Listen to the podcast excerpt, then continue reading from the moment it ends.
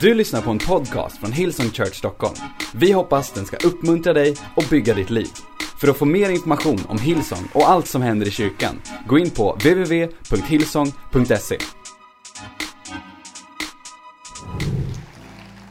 Jag vill att vi, eh, eller jag vet att vi är en kyrka som alltid hedrar Guds närvaro.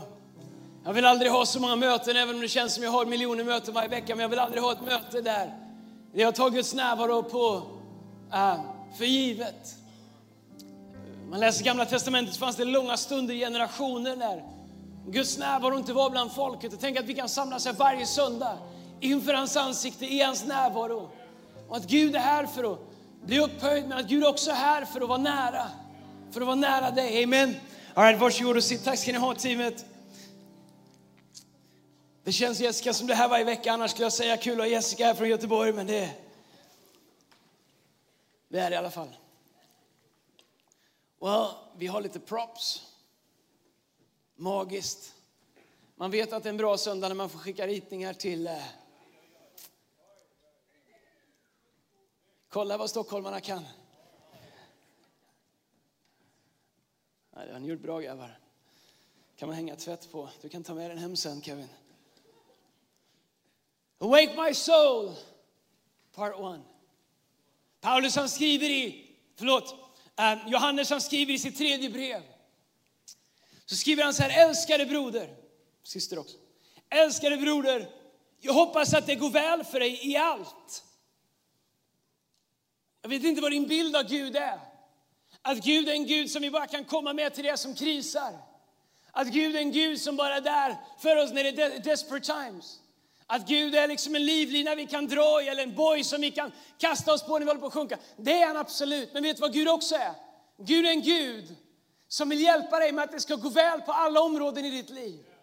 Alla områden där Gud får access kan Gud faktiskt göra så att det går väl. Det betyder inte att det alltid går som vi vill, för det är inte väl. Att det går väl innebär att det alltid går som Gud vill.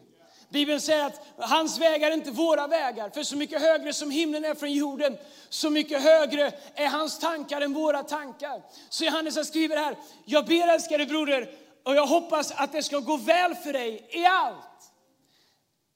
Kanske är det dags för en del av oss att bara uppgradera vår bild av Gud. Jag vet att vi ibland har liksom en sån lutheransk bild av Gud, att han är han är Gud för oss som är tyngda av bördor, och det är han. Och han är en Gud med de lidande, det är han också. Och han är våran herde, och det är han också. Och han är med oss i dödsskuggans dal, och det är han också. Och har du sett en bild på Jesus så står han lite halvdeprimerad och klappar ett lamm så här. Och han, han är för och med alla svaga, men vet du vad han också är? Han är en Gud som vill hjälpa dig att det ska gå väl. Att det ska vara väl med din hälsa, att det ska gå väl på ditt jobb, att det ska vara väl i dina studier, att det ska gå väl i din familj. Även när du inte vet vad du ska göra så är Gud intresserad av att få vara en del av ditt liv så att det går väl med ditt liv. Men så går han vidare och säger hur man kommer till den platsen. Han säger, jag hoppas att det går väl med dig i allt och att du är frisk, liksom det står väl till med din själ. När man studerar det bibelordet så, så, så hänger det här ihop. Och det är inte, Bibeln skrevs inte med kapitel, utan Bibeln är en enda lång berättelse utan kapitel, utan verser, utan kommatecken. Det, det är i efterhand som vi har satt in kapitel och vers och kommatecken för att det ska bli lite enklare att läsa Men hela det här stycket, där han inleder med i sitt tredje brev, i andra kapitlet här, så, så pratar han om att om det går väl för oss så är det för att våran själ mår väl engelska översättningen så står det as your soul prospers. Som att din själ har framgång. Att det är väl med din själ. Jag vill kalla de här kvällarna Awake my soul. Därför att själen definierar oss så mycket. Och under en period i kristenheten så var själen nerprioriterad. Anden var här uppe. Kroppen struntar vi och, och, och äh, själen, den medicinerar vi.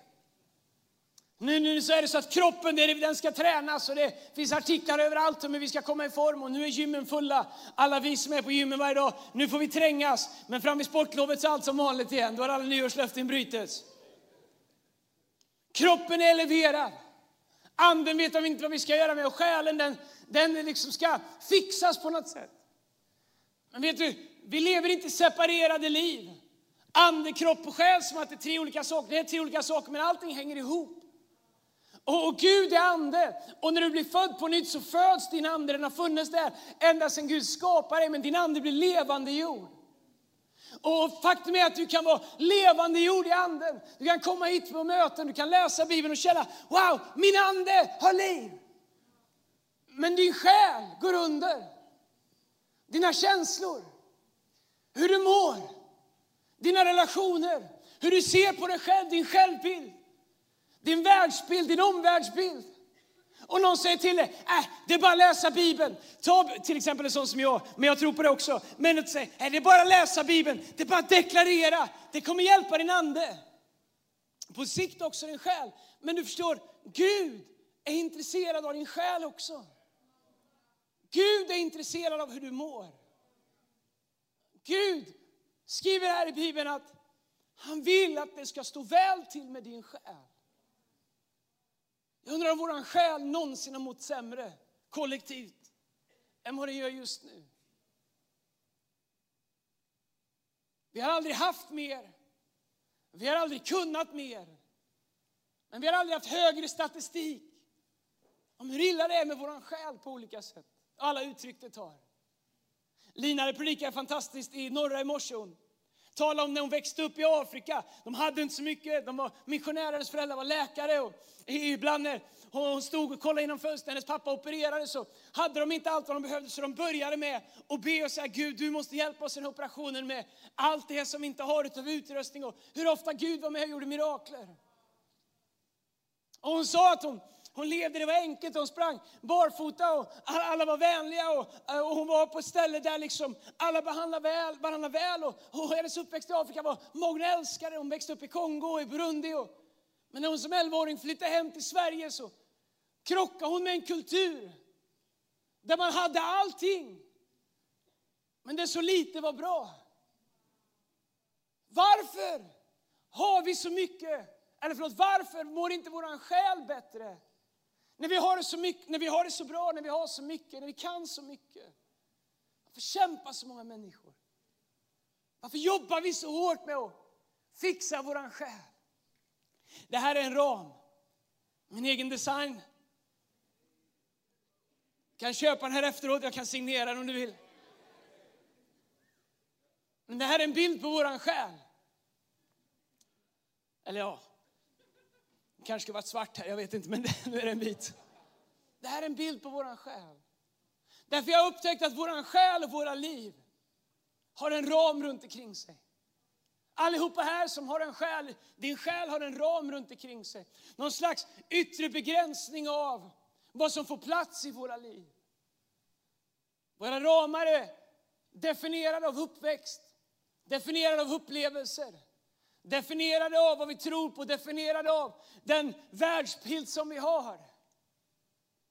Gud har skapat våran själ, men, men vi säger det är upp till mig att definiera vem jag är.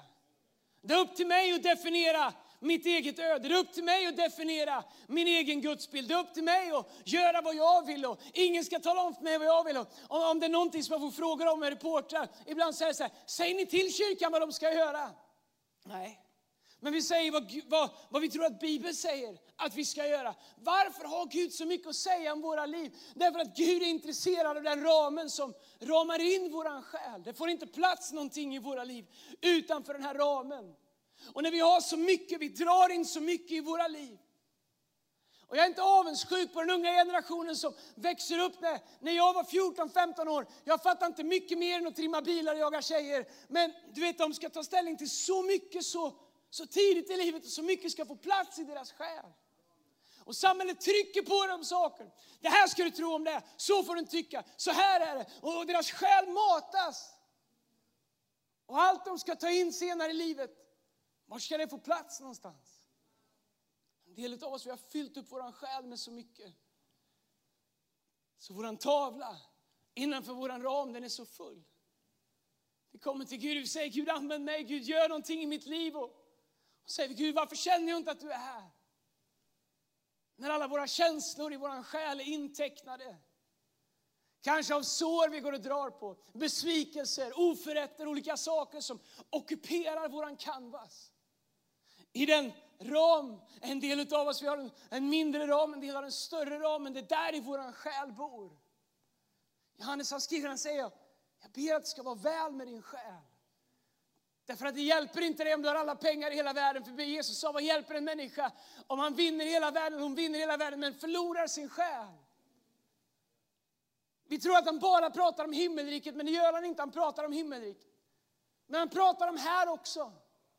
Vad hjälper det dig hur många nollor du har på kontot om du inte kan sova på natten? Vad hjälper det dig om du är populär och likad av alla, men du är ensammast av de ensamma? När du är med dig själv, och hjälper en människa att vinna allt i hela världen men inte trivas i sin egen själ? Så jag ber att det ska vara väl med din själ. Så ofta så försvarar vi våran ram. Det här är min åsikt, det här är vad jag tycker, det här känns rätt för mig. Och Gud han står med allt vad han har lovat jag har så mycket att ge dig men det är så fullt i din, på din tavla, det är målat överallt. och Din ram är så liten så jag vet inte vart jag ska göra av allt det jag har för dig. Kan vi komma till Gud och, och be honom fylla oss, eller rättare sagt vi kommer till Gud och ber honom fylla oss men vi står med våra små tavlor, våra små ramar och säger Gud jag har en liten fläck uppe i hörnet du kan måla på när du vill där. Det här är ingenting. Men Gud säger det jag har får inte plats på din canvas. Det jag har får inte plats på din tavla. Din ram är för liten. Jag upptäcker i mitt eget liv hur jag hela tiden liksom tvingas och utmanas och stretcha min ram. Att göra min bild av vem Gud är större, att utvidgas. David i psalm 42, när hans liv är nere så börjar han tala till sin själ och han säger Why are you so down my soul? Ett annat ord man läser, han säger Varför är du så förkrympt min själ? Varför är du så liten? Varför är du så nere? Och hans väg Gud han säger, soul, you shall again praise the Lord. Du ska återigen prisa Gud. Och så kan man läsa om hur, hur, David tänjer ut ramen på sin själ genom att lyfta sin blick och börja eh, lovsjunga Gud, upphöja Gud. Och det är som att Gud kommer och i samklang med David, inte gör våld på David, stretchar ut Davids själ så att det är som att luft kommer in, det är som att öppna fönstret till en själ som har varit instängd. Vi ramar in våra ståndpunkter, vi ramar in våra åsikter, vi ramar in våra preferenser. Ska jag möta Gud så är det på det här viset som jag har. Ska Gud göra här så, något i mitt liv så är det på det här sättet. Det där kan inte varit Gud på Hillsong därför att de hade kvinnliga lovsångsledare. Byt kyrka, vi har fler. Um, och så har vi våra åsikter. Ibland så tror jag att vi kristna är bättre än många andra och försvara dem. Vi slåss för dem, vi argumenterar för dem och vi krymper våra liv, vi krymper våra ramar. Utifrån vad Gud kan göra. Vi övervärderar vad vi själva kan rama in. Men vi undervärderar vad som händer om vi låter Gud ta bort ramarna, våra förutfattade meningar på vad Gud kan göra i våra liv. Och världen säger att alla har rätt att sätta sin egen ram. Ingen ska säga till någon annan. Men vad skulle hända om vi bestämde oss för att gå till Guds ord och säga okej, okay, här är vad jag har rätt till. Men jag pausar min rätt för att ett ögonblick öppna Bibeln och säga Gud, vad säger du om min ram? Vad säger du om min själ? Kanske är det så att jag som är skapare inte är större än skaparen. Kanske är det så att jag för ett ögonblick måste ta mig hatten och böja mig inför skaparen och säga, det här är mer än vad jag förstår. Jag har min ram här, jag har slåss för den länge, men jag är beredd att kliva ur den för att höra vad skaparen har att säga till skapelsen. Jag vet att vi har eleverat mänskligheten till det högsta som finns. Om det känns rätt för mig så är det rätt för mig. Vet du vad? Om jag är i min ram och jag skulle säga, om om det känns rätt för mig så är det rätt för mig. Då skulle mitt liv gå, till, då skulle mitt liv gå åt skogen. Om det känns rätt för mig så är det rätt. Det är den största lögn som finns. Vet du hur många människor jag sitter med i samtalsterapi som säger, det kändes rätt då. Dö! Hade du bara trätt ihop två tankar till så hade du kommit på att även om det känns rätt så kommer det sluta i kaos för dig. Men vi eleverar, om det känns rätt då är det bra. Det här känns rätt för mig. Och låt mig säga en sak, du har inte skapat dig själv.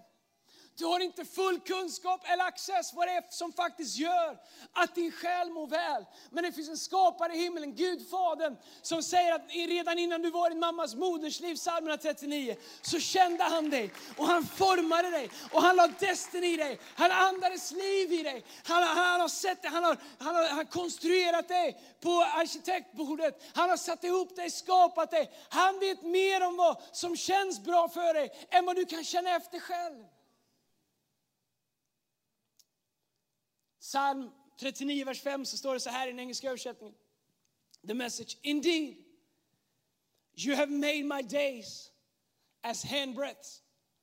Som en handsbredd. And my age is as nothing before you. Certainly every man at his best state is but a vapor. Sela. Det betyder pause and think about it. Så psalmisten skriver att våra dagar är som en handsbredd. Det är ett gammalt mått, det är inte så mycket. Han säger våra liv är som bäst ånga. Är du inte glad att du kommer då? Ditt liv är när det är som bäst. Ett bra liv. Ånga, vad är det han säger? Det han säger, en del av er har hört mig prata om det tidigare. Det han säger i vårt samhälle, i den värld vi lever i, där vi har eleverat oss själva och sagt att vi är det högsta av allt som finns. Våra hjärnor, det är det brightaste som finns. Vi har egna tricks för att göra oss själva lyckliga. Om inte det ena fungerar, så fungerar det andra. Ingen kan säga till mig, vi är människor, vi är högst på rangordningen i skap av alla djuren, vi är bättre än alla. Vi ser inte ut som gorillor längre. En gång var vi apor, men vi ramlade ner i trädet, råkade hamna i en frisörstol, fick en frisyr och voilà, där fanns människan. Ingen ska komma och säga att inte vi är det brightaste som finns. Bara det att vi har kommit på den idén är ju, visar ju hur dumma vi är. Och faktum är att om man säger det där tillräckligt länge till en ung generation, jag har aldrig, förlåt jag ska inte spåra iväg, men jag läste en artikel i Aftonbladet innan jag kom till Expressen eller någon sån, där de frågade en massa kriminologer och andra människor förstod sig på det. Varför har vi så mycket våld i samhället? De sköt en i Kungens Kurva igår. Sköt på en annan, jag tror att det var i Fittja tidigare på förmiddagen i Botkyrka. Vi läser om mord, vi läser om gängkriminalitet, vi läser om alla. Varför är det så mycket? Kan det bero på delvis, eller till stor del, att vi nu i årtionden har talat om för människor att du kommer inte från någonstans. Inget fanns innan du föddes. Du bara uppstod. Helt plötsligt fanns du. Du kommer inte någonstans ifrån, fanns ingen som hade en tanke med dig. Det var för att din, och mamma, din, din och mamma och pappa träffades på Spybar, eller var de nu träffades. Så hittade den ena inte hem till sig utan följde med den andra och så kom du. Vi har sagt att de inte kommer någonstans ifrån. Dessutom säger vi till dem att när du dör så är du inte på väg någonstans. Så om allt vi har ett litet ögonblick här på jorden. Och så undrar vi varför människor inte värderar livet mer. När vi har sagt till dem att du kommer inte från någonstans, du är inte på väg till någonting heller, utan du har bara här och nu. Psalmisten säger att våra liv är som ånga. Vill du veta ditt liv? Där är du. Och det där är ett bra liv kan jag säga. Åh, oh, vi är smarta, vi har uppfunnit dynamit. Vi har uppfunnit elektricitet. Gud sa, var det ljus och hela universum lyste upp. Men vi har kommit på strömbrytaren. Vi har Nobelpris. Vi har skickat en raket till månen. Gud har skapat månen. Bibeln säger att han håller alla stjärnorna på sin plats. Han säger att han satt ut dem med fingerspetsarna. Han säger att han spänner ut sina fingrar och hela universums vintergator får plats. Han säger att han kupar sina händer och kan hålla alla världens hav där i. Men vi har byggt en segelbåt. Optimist-Jolle. Ingen ska komma och tala om för mig hur jag ska leva mitt liv, för jag är människa, jag fattar allting. Varför har vi det inte bättre då? Varför är vi inte lyckligare? Varför är vi så tomma så ofta? Varför behöver vi så mycket hjälp? Varför exploderar psykisk ohälsa? Varför har vi det inte bättre om vi är så bra? Psalmisten säger att våra liv är som ånga. Här idag, borta imorgon. Det betyder inte, det här är Robins, han har alltid med sånt här, jag vet inte varför. Det betyder inte att våra liv är meningslösa. Det ger oss bara ett perspektiv av våra liv i förhållande till han som har skapat oss. Och hans vilja att göra så att det är väl med våran själ. I Efesierbrevet, jag måste komma in i predikan här, jag ska predika kort idag, vi ska, vi ska sjunga och sådär. I Efesierbrevet 1 och 11 så står det så här 12, the message, it's in Christ that we find out who we are and what we're living for. Long before we first heard of Christ and got our hopes up, he had his eyes on us. He had plans, vad Caesar säger, had his designs on us for glorious living. Had his eyes, sorry, before, from that. It's in Christ we find out who, jag trodde jag kunde den utan till, men det kunde jag inte. It's in Christ we find out who we are and what we're living for. Long before we first heard of Christ and got our hopes up, he had his eyes on us. Had designs on us for glorious living. Jag älskar Bibeln, inte bara hade design för oss för att överleva, utan han hade en design for glorious living. Part of the overall purpose he is working out in everything and everyone. Det här sammanfattar hela, hela Guds hållningssätt till oss. Så han säger, om jag ska översätta det här till någon form av svängelse.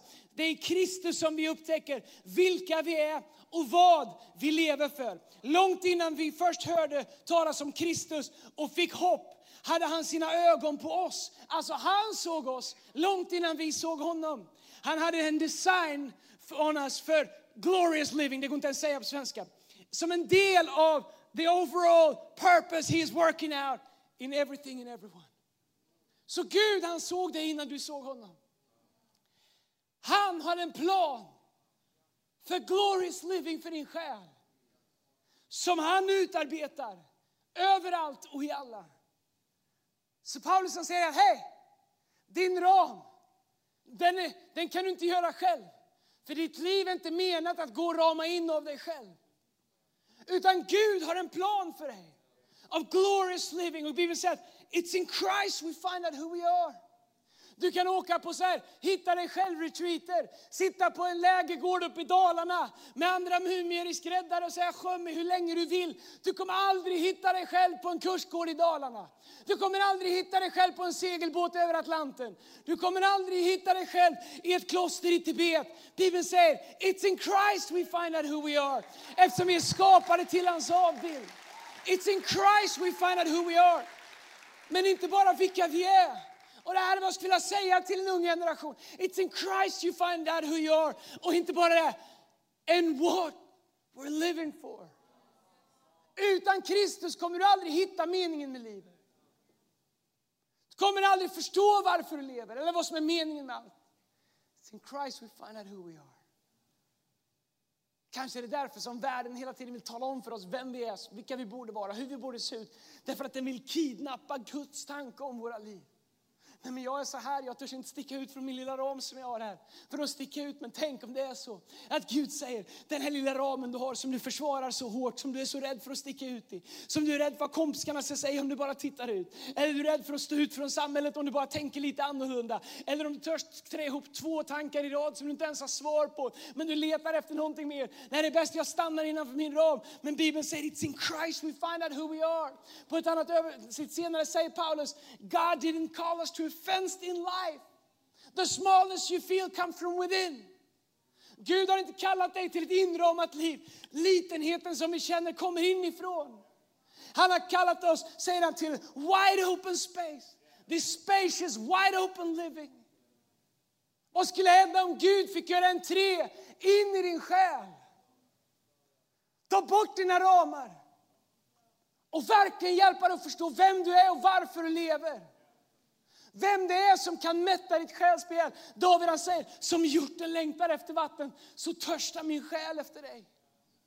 Han hade allt, han var kung, han kunde få allt han pekade på. Han var rikast på jorden. Han hade provat att ta den vackraste kvinnan Batseba, det hjälpte inte. Han hade alla rikedomar, det hjälpte inte. Folket hyllade honom, det hjälpte inte. Han som har allt, han säger, min själ törstar efter dig, som är torrt, like a dry and weary land. Som hjorten längtar efter vatten så längtar min själ efter dig. Har du känt det någon gång? Du bara känner att du, din själ är törstig och du vet inte varför.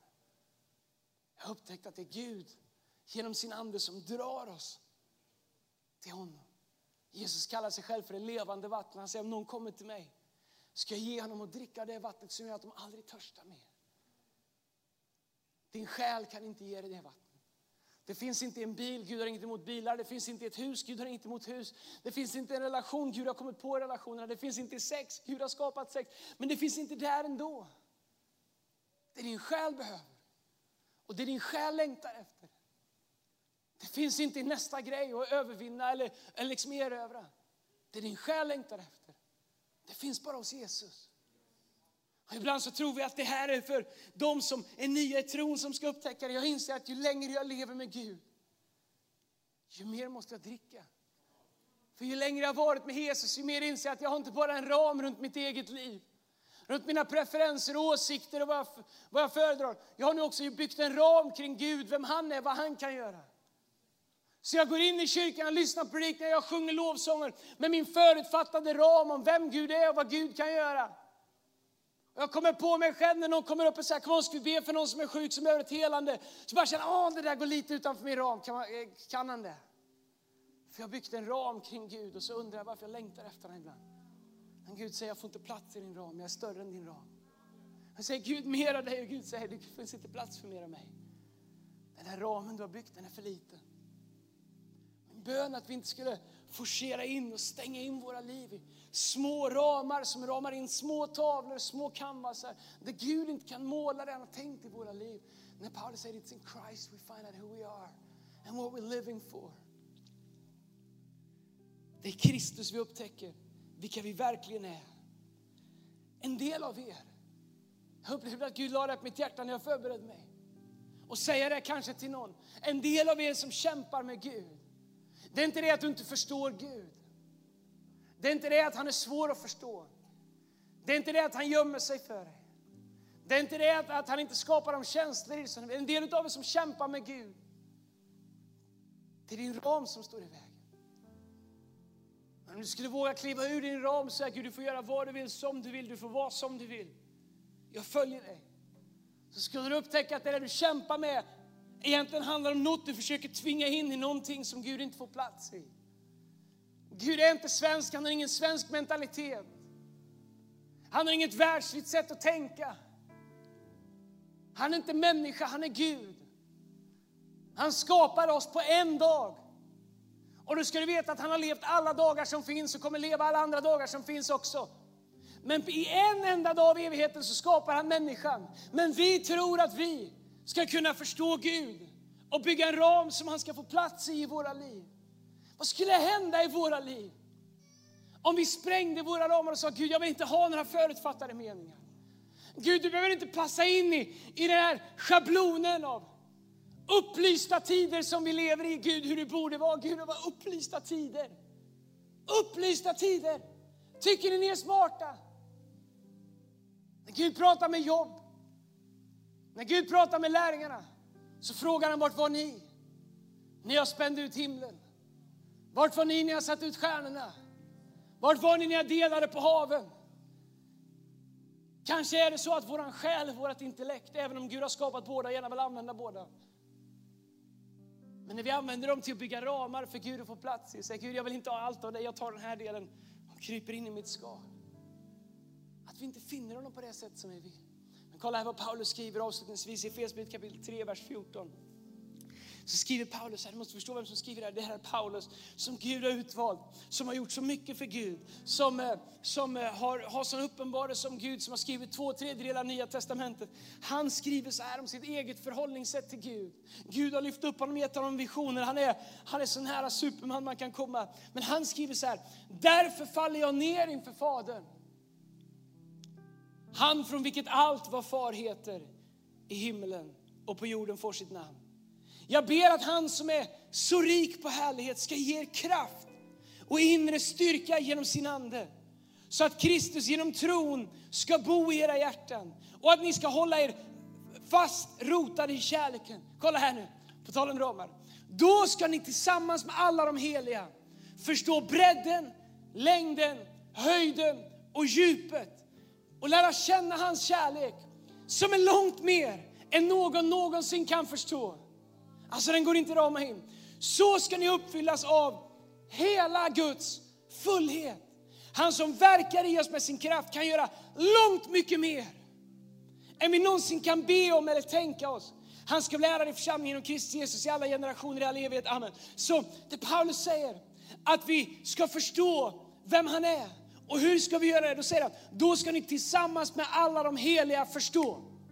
Lyssna här, jag bara skickar med det här. Det finns en kristendom, en typ av kristendom som säger, du behöver ingen kyrka. Vi kan ha en liten egen klubb här. Du behöver inte vara med plantera din lokalförsamling, en lokal kyrka. Du kan liksom bara vara, men, men, och det är alltid bättre än inget. Psalm 2, vers 13 säger den som är planterad i Guds hus kommer alltid blomstra. Men Paulus han säger, vi förstår Kristus tillsammans. Jag kan inte förstå Kristus utan dig. För jag behöver se honom i ditt liv. Jag behöver se honom arbeta i ditt liv. Jag behöver din pusselbit för att kunna lägga lite mer pussel. av vem man är. Vi förstår honom tillsammans. Det är därför som fienden vill splittra församlingar. Och det är därför som Bibeln säger att där enhet råder, Psalm 133, dit befaller Gud sin välsignelse. Vi upptäcker Gud tillsammans. Vi vandrar med och mot Gud tillsammans. Vi upptäcker fullheten i Kristus tillsammans. Därför så kan inte du säga, du som är här för första gången och knappt vet vad du tror på, att jag behövs inte. Vi behöver dig. Du som säger, jag har inte haft en bra vecka, jag behövs inte. Vi behöver dig. Om inte annat för att förstå Gud, för vi behöver se vad Gud gör i ditt liv, hur han, hans nåd och hans barmhärtighet för att förstå att det är så han är mot oss också. Sen säger han att vi ska förstå bredden, längden, höjden och djupet. Om vi redan hade möjlighet och makt att bygga höjden, bredden, djupet och längden i våra liv så skulle vi inte behöva förstå det. Men nu säger han att när vi upptäcker vem Kristus är ska han visa oss den verkliga bredden, den verkliga höjden det verkliga djupet, den verkliga längden på hur stor hans kärlek är och lära känna hans kärlek. Så säger han, så ska ni uppfyllas av hela Guds fullhet. Det han säger är att när Kristus får definiera höjden och bredden och djupet och längden, då kommer hela Guds fullhet, allt vad Gud är, komma in i våra liv. Allt vi längtar efter, allt vi törstar efter, allt vi söker allt den här världen behöver. Den ryms inom längden, bredden, djupet och höjden. Inte av den ram som jag snickrar för min själ. Det undrar varför jag aldrig blir tillfredsställd. Jag undrar varför mina behov aldrig blir mättade. Varför jag aldrig kan släcka min törst. Varför ännu en relation inte hjälper. Varför mer bekräftelse inte ger mig vad jag behöver. Men Paulus säger att när vi förstår vem Kristus är, då kommer han expandera våra liv. Sen fick han uppleva hela Guds fullhet. Hur är Guds fullhet? Han, då säger han, han som verkar i oss med sin kraft och kan göra långt mycket mer än vi någonsin kan förstå, ana eller be om. Engelska översättningen säger He who can do exceedingly abundantly above and beyond all we can ask, think or pray. Du är aldrig skapad för att vara instängd i en ram som du har byggt. Du var aldrig skapad för att vara instängd i en ram som livet har forcerat in dig i. Du är skapad för att leva fri. I fullheten, höjden, bredden, djupet och längden av hans kärlek. Av Guds fullhet. Kanske är det dags att göra sig av med lite ramar.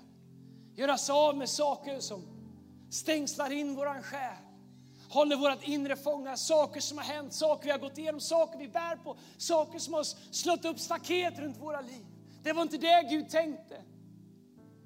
Han, han vill awake your soul.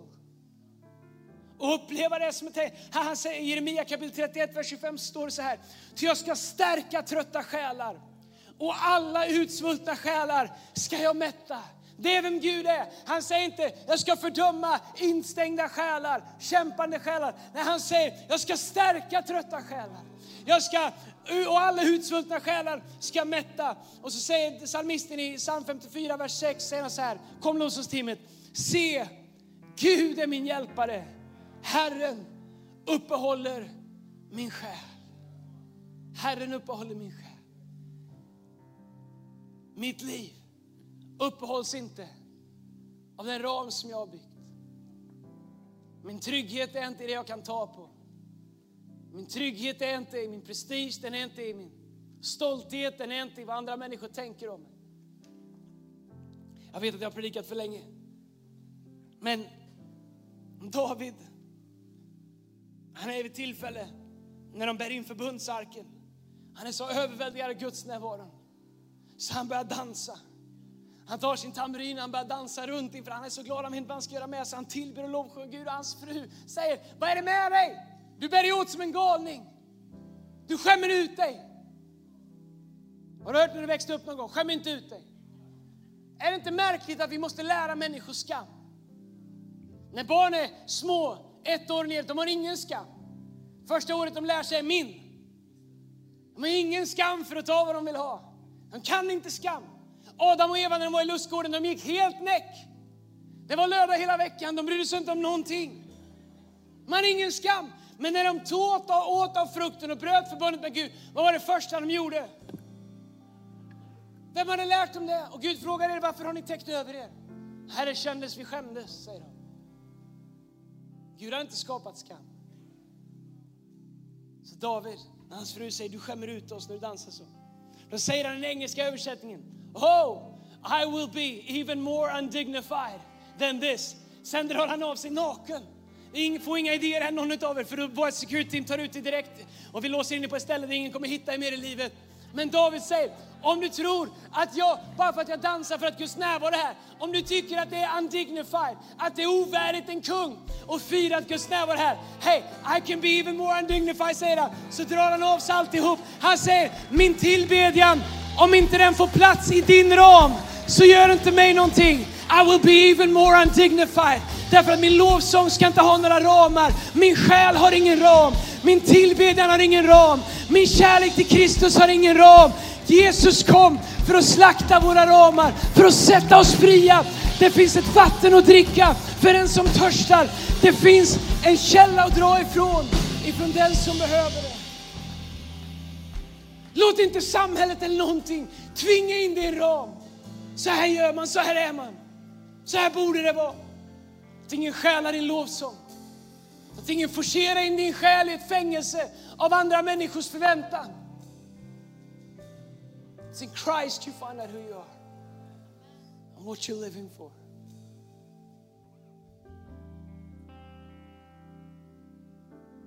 Alla huvuden böjda, alla ögon stängda.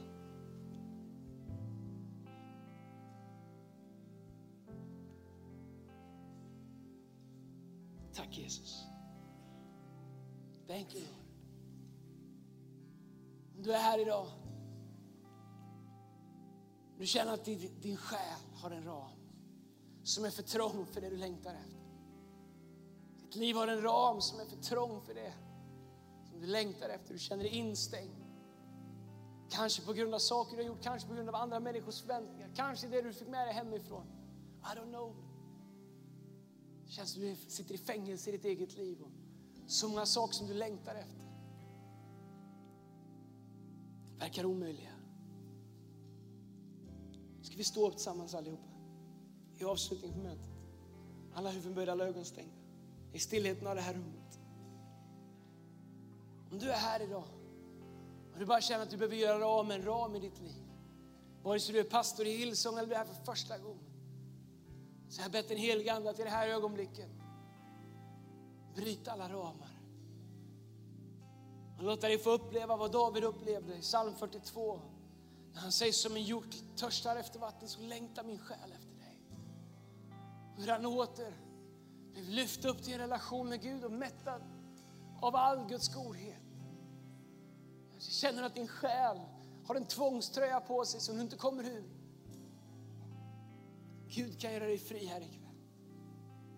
Kanske lider du i ett fängelse tankar om vad andra människor ska tänka och tycka om dig och du lever för bekräftelse. Du kan göra dig fri från de ramarna ikväll. Alla huvuden böjda, alla ögon stängda. Om det är du ikväll.